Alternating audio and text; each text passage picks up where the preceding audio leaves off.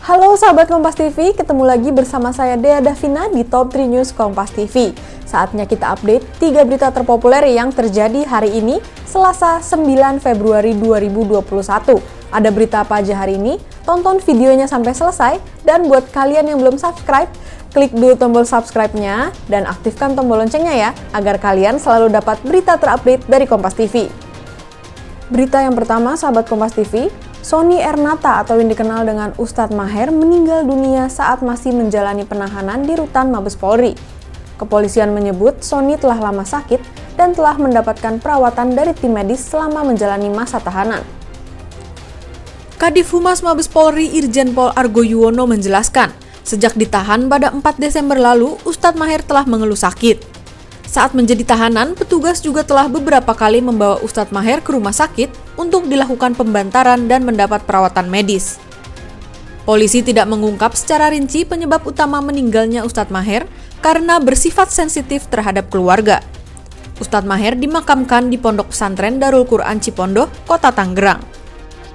Uh, yang menjadi pertanyaan gitu, kenapa uh, saudara Sony Iranata itu meninggal. Ini karena sakit meninggalnya.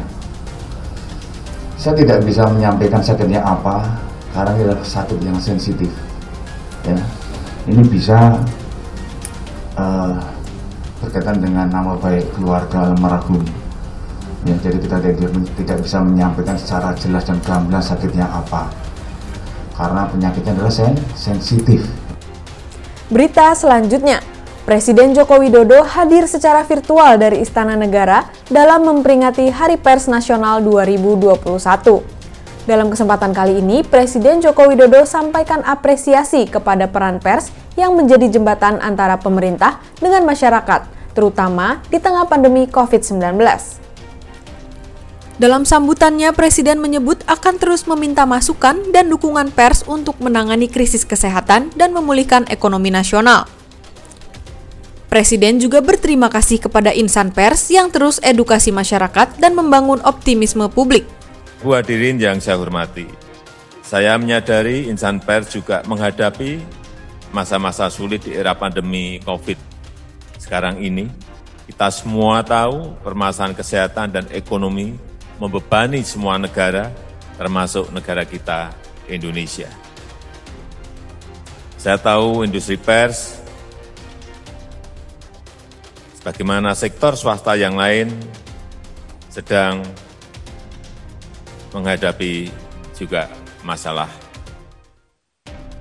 perusahaannya, masalah keuangannya yang juga tidak mudah. Seperti tadi disampaikan oleh Ketua PWI.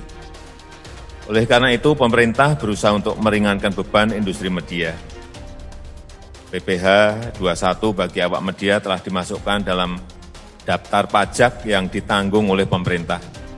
Artinya pajak dibayar oleh pemerintah dan ini berlaku sampai Juni 2021. Tolong ini di, nanti diikuti dan dikawal dengan Menteri Keuangan. Juga untuk industri media dilakukan pengurangan PPh badan, kemudian pembebasan PPh 2 impor dan percepatan restitusi dan insentif ini juga berlaku sampai Juni 2021. Berita yang terakhir, sahabat Kompas TV, akibat diguyur hujan deras, jalan tol Cipali kilometer 122.400 mengalami ambles dan tidak bisa dilalui oleh kendaraan. Akibat hal ini, polisi melakukan kontraflow untuk antisipasi kemacetan. Ruas tol Cipali, tepatnya di kilometer 122.400 arah Jakarta mengalami ambles. Lebar jalan tol Cipali yang ambles diperkirakan sepanjang 20 meter. Untuk mengantisipasi kemacetan panjang, polisi berlakukan kontraflow. Kontraflow bertujuan untuk mengurangi beban pada ruas jalan yang ambles. Lokasi longsor di kilometer 122 ini eh, terjadi eh, sekitar jam 2 sampai jam 3 tadi malam ya. Kemudian langkah-langkah yang diambil teman-teman dari BCT, di Korlantas bersama dari PUJT Astra e, melakukan langkah-langkah kontraflow dari kilometer 126 sampai 117 ya.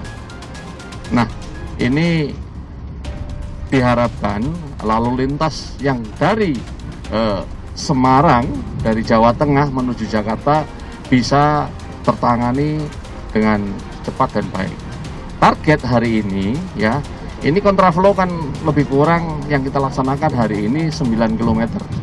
Target nanti eh, sudah kita diskusikan dari teman-teman WJT dan Akra tadi hari ini targetnya 1 km dari 123 paling nggak sampai 122 ujung ini nah, diharapkan kontraflow-nya lebih pendek lagi. Dan target perbaikan ini nanti eh, lebih jelasnya akan dijelaskan BJ lebih kurang ya 20 hari selesai.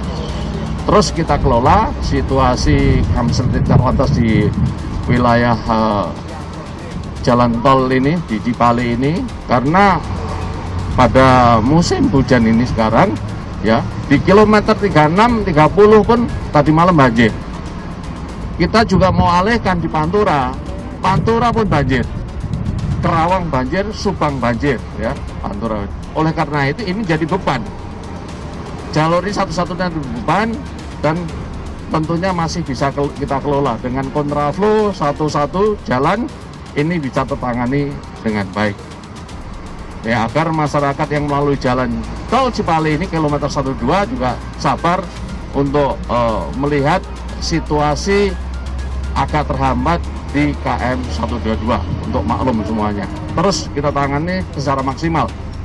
Kita monitor di jalur-jalur utama ini titik-titik mana yang perlu kita uh, akan sentuh dan kita kelola karena di titik ini juga ada perbaikan-perbaikan dan ada kerusakan sedikit yang harus kita kelola bersama sama teman-teman dari BPJT BPJT. Saya pikir itu ya teman-teman. Itu dia tiga berita terpopuler yang terjadi hari ini. Saatnya saya, Dea Davina, pamit undur diri. Tapi sebelumnya jangan lupa like, komen, dan juga share video ini ya. Sampai ketemu lagi di Top 3 News selanjutnya.